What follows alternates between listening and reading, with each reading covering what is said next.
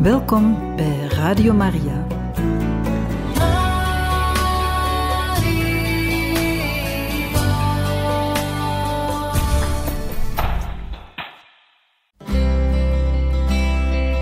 Welkom bij Boekat, een programma van Radio Maria.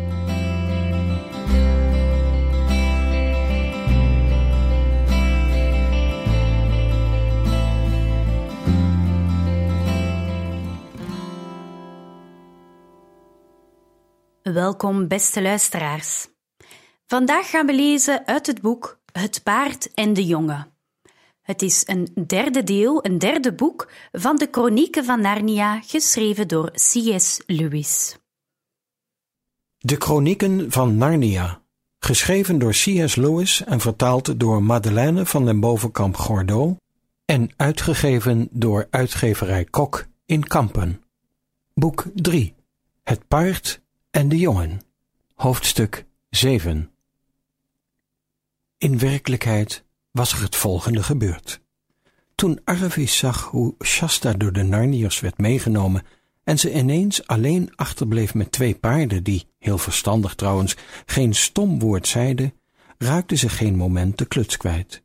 Ze greep Bries halsterbeet en bleef stilstaan, met beide paarden aan de teugel.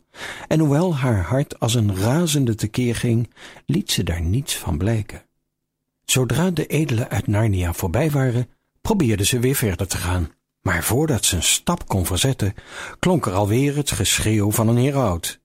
Hé, wat een lastpakken allemaal, dacht Aravis. Maak plaats, maak plaats, maak plaats, maak plaats voor de Tarquina Lazaraline. En direct na de heraut kwamen vier gewapende slaven en toen vier dragers met een draagstoel waaraan zijde gordijnen wapperden en fladderden en zilveren belletjes tinkelden. En meteen rook de hele straat naar allerlei soorten parfum en bloemen. Na de draagstoel kwamen slavinnen in prachtige kleren en daarna een paar kamerheren, koeriers, pages en dat soort mensen. En nu maakte Aravis voor het eerst een fout. Ze kende Lazaraline namelijk goed, bijna alsof ze bij elkaar op school hadden gezeten, want ze hadden vaak in dezelfde huizen gelogeerd en waren vaak op dezelfde feesten geweest. En nu kon Aravis het niet laten even op te kijken om te zien hoe Lazaraline eruit zag nu ze getrouwd was en een heel voornaam iemand geworden was. Dat werd haar noodlottig. De blikken van de beide meisjes kruisten elkaar. En meteen schoot Lazarine overeind in haar draagstoel en riep luidkeels uit: Aravis, wat doe jij hier in vredesnaam? Je vader. Er was geen moment te verliezen. Zonder één ogenblik te aarzelen, liet Aravis de paarden los, greep de rand van de draagstoel beet, zwaaide zich omhoog naast Lazarine en begon woedend in haar oor te fluisteren. Sst, hou je maar, hou je stil, je moet me verstoppen, zeg tegen je bediende.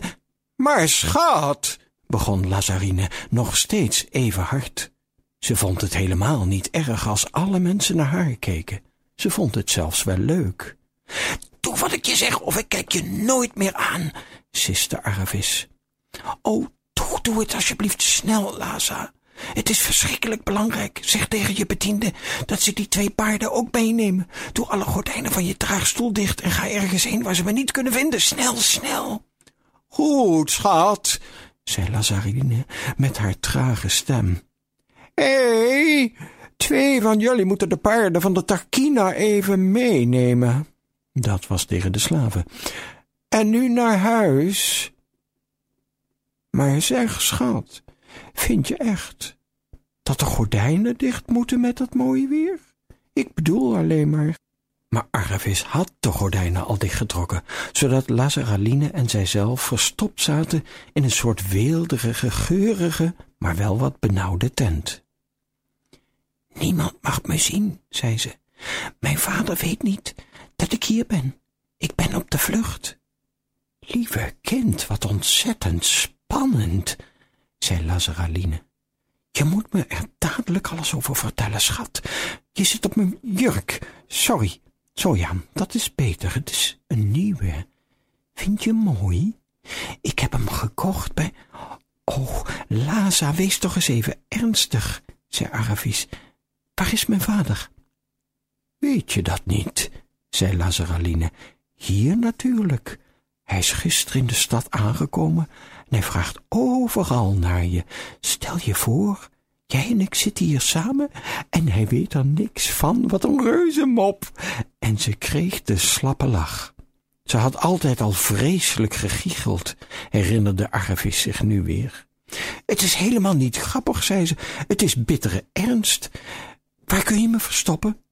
Geen enkel probleem, lieve kind, zei Lazaraline. Ik neem je gewoon mee naar huis. Mijn man is op reis en niemand kan je daar zien. Poeh, erg leuk is het niet, zo met de gordijnen dicht. Ik wil mensen zien. Wat heb je aan een nieuwe jurk, als je zo weggestopt moet rondrijden? Ik hoop dat niemand je gehoord heeft toen je zo hard tegen me schreeuwde, zei Aravis. Nee, nee, natuurlijk, schat, zei Lazaraline afwezig. Maar je hebt me nog niet eens verteld hoe je mijn jurk vindt. En nog iets, zei Aravis, je moet tegen je bediende zeggen dat ze die twee paarden heel beleefd moeten behandelen. Dat hoort ook bij het geheim. Het zijn eigenlijk sprekende paarden uit Narnia. Heus, zei Lazaraline, wat spannend. En, oh schat, heb je die barbare koningin uit Narnia gezien? Ze logeert op het ogenblik in Tashbaan. Ze zeggen dat prins Rabadash smoor verliefd op haar is. Er zijn de afgelopen twee weken al door allerlei verrukkelijke feesten en jachtpartijen en zo geweest. Zelfs vind ik haar helemaal niet zo erg knap. Maar sommige van die Narniaanse mannen zien er fantastisch uit. Eergisteren ben ik meegeweest naar een feest op een boot op de rivier en ik droeg mijn... Hoe kunnen we zorgen dat je bedienden niet gaan rondvertellen dat je een gast in huis hebt die eruit ziet als een bedelkind? Want dan zou mijn vader er ook wel eens over kunnen horen. Toe, maak je daar toch niet zo allemaal zo druk over, mijn kind, zei Lazaraline. We gaan zo wat fatsoenlijks voor je opzoeken om aan te trekken. En nu zijn we er. De dragers waren blijven staan en lieten de draagstoel zakken. Toen de gordijnen opengeschoven waren, zag Aravis dat ze in een soort besloten binnentuin waren. Net zo een als die waar Shasta een paar minuten eerder in een ander deel van de stad naartoe was gebracht. Lazaraline wilde meteen doorlopen naar binnen. Maar Aravis herinnerde haar er zenuwachtig fluisterend aan dat ze er eerst iets tegen de slaven over moest zeggen, dat niemand iets mocht weten van de vreemde bezoekster van hun meesteres.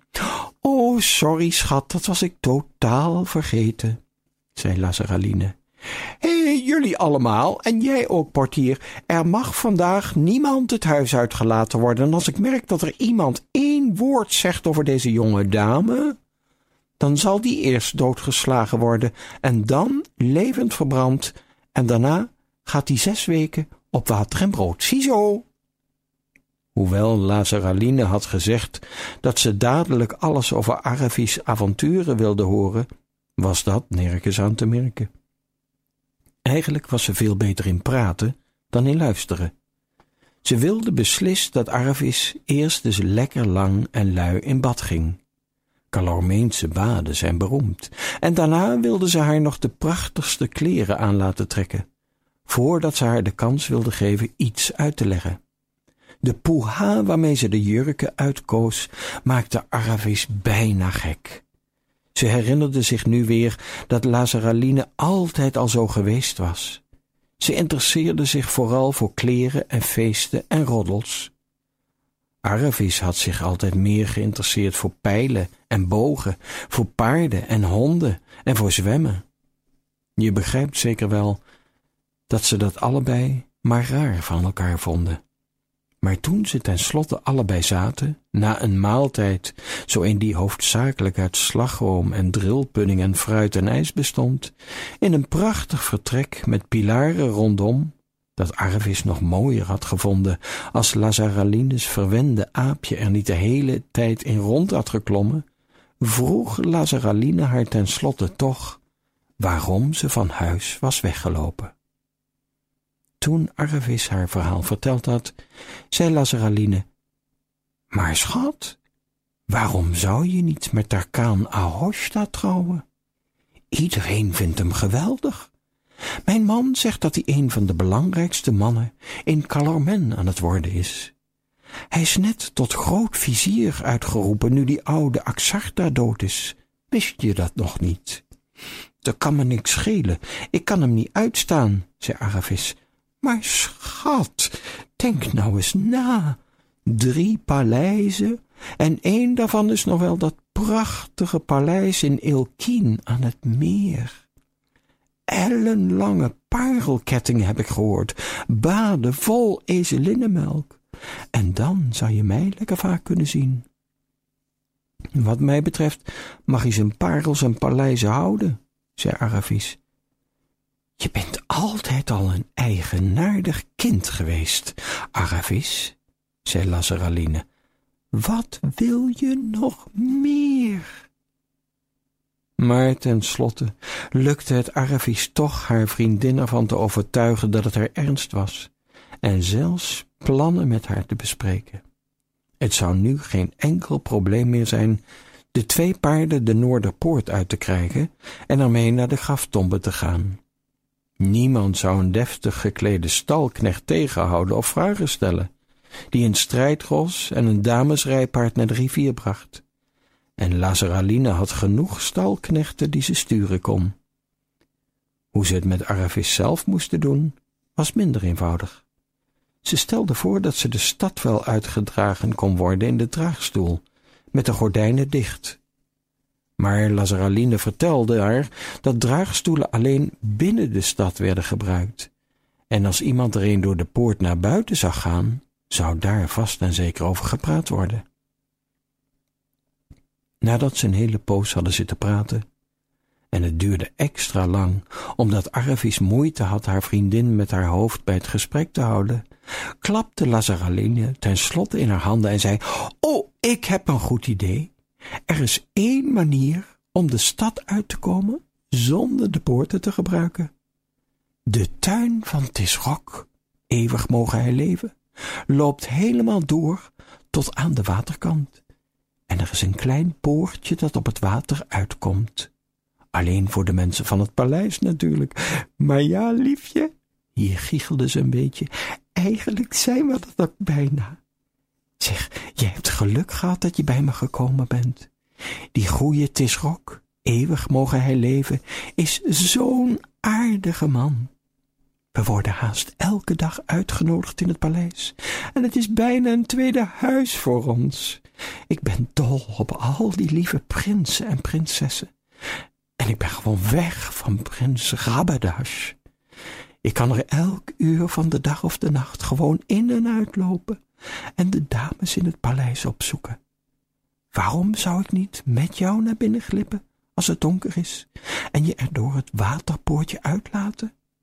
Er liggen altijd wel een paar gondels en zo aangemeerd. En zelfs als ze ons betrappen, dan zou alles verloren zijn, zei Aravis.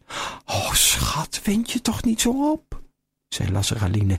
Ik wou zeggen, zelfs als we betrapt werden, zou iedereen alleen maar zeggen dat het weer een van mijn idiote grapjes was. Daar begin ik al aardig om bekend te raken. Laatst nog, luister nou liefje, het was echt vreselijk grappig.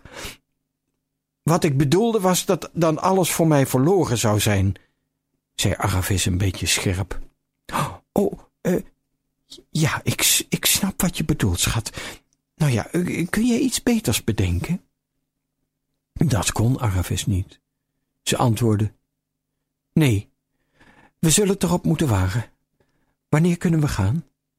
Oh, vanavond niet, zei Lazaraline. Natuurlijk niet vanavond. Ze houden vanavond een groot feest. Daar moet ik zo mijn haar eens voor gaan laten doen. En dan is het hele paleis een zee van licht. En dan met al die gasten. Dan zou het morgenavond moeten. Dat was slecht nieuws voor Aravis, maar ze moest zich er maar bij neerleggen. De middag kroop langzaam voorbij, en het was een opluchting toen Lazaraline naar het feestmaal ging, want Aravis had schoon genoeg van haar gegiegel en haar geklets over jurken en feestjes, trouwerijen en verlovingen en schandaaltjes. Ze ging vroeg naar bed. En dat was iets waar ze wel van genoot. Het was heerlijk om weer eens tussen lakens en op kussens te slapen. Maar de volgende dag kroop voorbij. Lazaraline wilde het hele plan weer ongedaan maken en vertelde Arvis al door maar dat Narnia een land was waar altijd sneeuw en ijs lag en waar boze geesten en tovenaars woonden en dat ze stapelgek was dat ze erover dacht om daarheen te gaan. En dan nog wel met zo'n arm joch, zei Lazaraline. Denk daar nou eens aan, schat. Dat hoort toch niet? Arvis had daar al heel vaak aan gedacht. Maar ze had nu langzamerhand zo genoeg van Lazaralines aanstellerij, dat ze voor het eerst begon te geloven dat samen met Shasta op reis gaan vast veel leuker zou zijn dan het hofleven in Tashbaan. Daarom antwoordde ze alleen: Je vergeet dat ik als we in Narnia komen ook maar een onbelangrijk persoontje ben, precies zoals hij. En trouwens, ik heb het beloofd. En dan te bedenken, zei Lazaralina bijna in tranen, dat je, als je je verstand maar wilde gebruiken, de vrouw van een groot vizier kon worden. Aravis liep weg om even alleen met de paarden te praten. Jullie moeten vlak voor zonsondergang met een stalknecht mee de stad uit. Naar de graftombe, zei ze. Niet meer met van die pakken op jullie rug. Jullie worden weer gezadeld en opgetuigd. Alleen zal Winne eten in haar zadeltassen moeten dragen, en achter de jouwe komt een volle waterzak, Brie. De man heeft opdracht jullie allebei lekker lang te laten drinken aan de overkant van de brug. En dan op naar Narnia en het noorden, fluisterde Brie. Maar als Shasta nu niet bij de graftombe is. Dan wachten we op hem natuurlijk, zei Aravis. Ik hoop dat jullie hier goed behandeld zijn. Nog nooit van mijn leven een betere stal gehad, zei Brie. Maar als de man van die giechelende Tarkina van je zijn opperstalmeester ervoor betaalt om de beste haver te kopen, dan denk ik dat de opperstalmeester hem bedriegt. Aravis en Lazaraline aten hun avondeten in het vertrek met de pilaren. Een uur of twee later waren ze klaar om op weg te gaan. Aravis was verkleed als een opperslavin in een belangrijk huishouden en droeg een sluier voor haar gezicht. Ze hadden afgesproken dat Lazaraline, als er iemand vragen ging stellen, zou doen alsof Aravis een slavin was, die ze aan een van de prinsessen cadeau kwam geven. De meisjes verlieten het huis te voet. In een paar minuten stonden ze al voor de paleispoorten. Daar stonden natuurlijk soldaten op wacht, maar de wachtcommandant kende Lazaraline wel. Hij liet zijn mannen in de houding springen en salueerde. Meteen stonden ze in de zwart-marmeren zaal. Daar liepen nogal wat hovelingen, slaven en anderen rond, maar daardoor vielen de twee meisjes juist minder op. Ze liepen door naar de zuilenzaal en daarna door de zaal der beelden en de zuilengalerij langs de reusachtige deuren van geslagen koper die naar de troonzaal leidden. Alles was onbeschrijfelijk mooi, voor zover ze het bij het zwakke schijnsel van de lampen konden zien. Nu kwamen ze buiten, in de besloten binnentuin die met een aantal terrassen omlaag liep. Aan het einde daarvan kwamen ze bij het oude paleis. Het was nu al bijna helemaal donker geworden, en nu kwamen ze terecht in een doolhof van gangen, die alleen hier en daar zwak verlicht werden door fakkels die in houders in de muur stonden. Op een plek waar je moest kiezen of je links of rechtsaf wilde, bleef Lazaraline staan. Loop door, toe, loop naar toch door, fluisterde Aravis. Haar hart bonsde verschrikkelijk en ze had nog steeds het gevoel dat ze bij elke hoek haar vader tegen het lijf kon lopen. Ik denk alleen maar even na, zei Lazaraline. Ik weet niet helemaal zeker hoe we hier verder moeten. Ik geloof dat het linksaf is. Ja, ik weet het haast zeker. Linksaf. Lekker spannend, hè? Ze gingen naar links en kwamen in een gangetje dat maar nauwelijks verlicht was en dat al gauw met trapjes omlaag begon te lopen. Het is in orde, hoor, zei Lazaraline. Zo gaan we goed, nu weet ik het zeker. Deze trapjes komen me bekend voor. Maar op dat moment verscheen er voor hen uit een licht dat bewoog. Nog geen drie tellen later kwamen er in de verte twee donkere mannengestalten de hoek om, die achteruit liepen en lange kaarsen droegen. En natuurlijk lopen mensen alleen maar achteruit voor iemand van een koningshuis. Arvis voelde hoe Lazaraline haar arm beetgreep, een, het soort plotselinge greep dat bijna knijpen lijkt en dat betekent dat diegene die je beetpakt ontzettend schrikt. Het leek Arvis wat vreemd dat Lazaraline zo bang voor de Tischok was, als hij echt zo'n goede vriend van haar was, maar er was geen tijd om daar verder over na te denken. Lazaraline trok haar snel mee terug de trappen op naar boven. Ze liepen op hun tenen en Lazaraline voelde zenuwachtig langs de muur. Hier zit een deur, fluisterde ze. Gauw! Ze gingen naar binnen, trokken de deur heel zachtjes achter zich dicht en stonden in het aardedonker. Arvis kon aan Lazaralines ademhaling wel horen dat ze doodsbang was. Tash, beware ons, fluisterde Lazaraline. Wat moeten we doen? Als hij hier binnenkomt, kunnen we ons ergens verstoppen. Onder hun voeten voelden ze een zacht tapijt. Op de tast liepen ze verder de kamer in en struikelden tegen een divan aan. Laten we hier achter gaan liggen, jammerde Lazaraline zacht. Oh, waren we hier maar nooit gekomen. Er was tussen de rustbank en de met gordijnen gedrapeerde muur net genoeg plaats, en de twee meisjes kropen weg. Het lukte Lazaraline het beste plekje te krijgen. Die lag helemaal verstopt.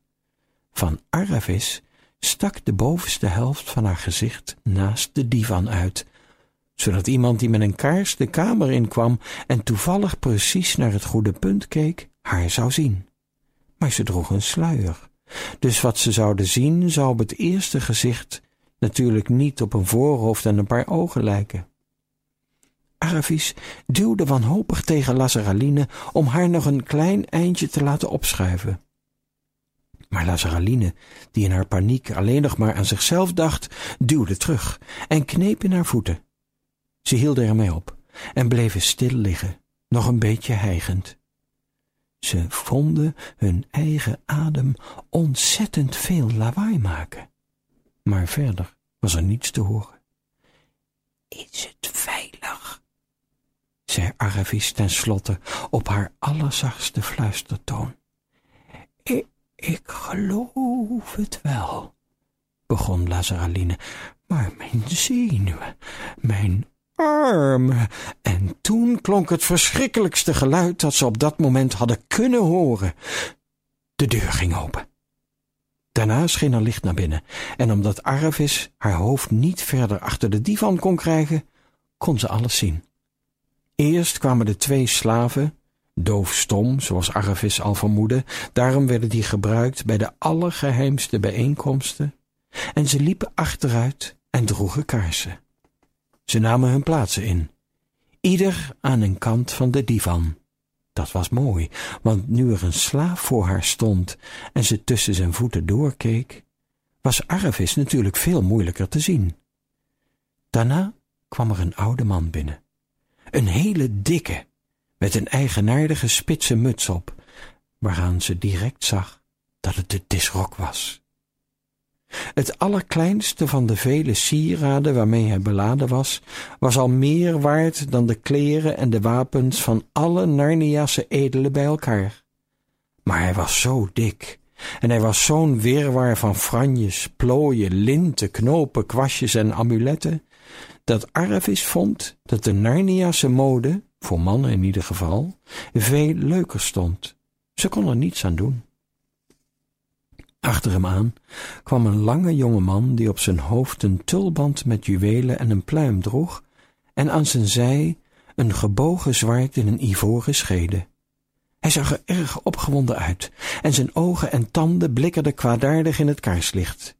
Helemaal achteraan kwam een kleine rimpelige oude man met een bochel, die ze huiverend herkende als de nieuwe grootvizier en haar eigen aanstaande echtgenoot, de Tarkaan Ahoshta zelf. Zodra ze alle drie in het vertrek waren en de deur dicht was, ging de Tisrok met een zucht van tevredenheid op de divan zitten. De jonge man ging op zijn plaats staan voor de Tisrok en de grootvizier ging op zijn ellebogen en zijn knieën op de grond liggen, met zijn gezicht plat op het vloerkleed.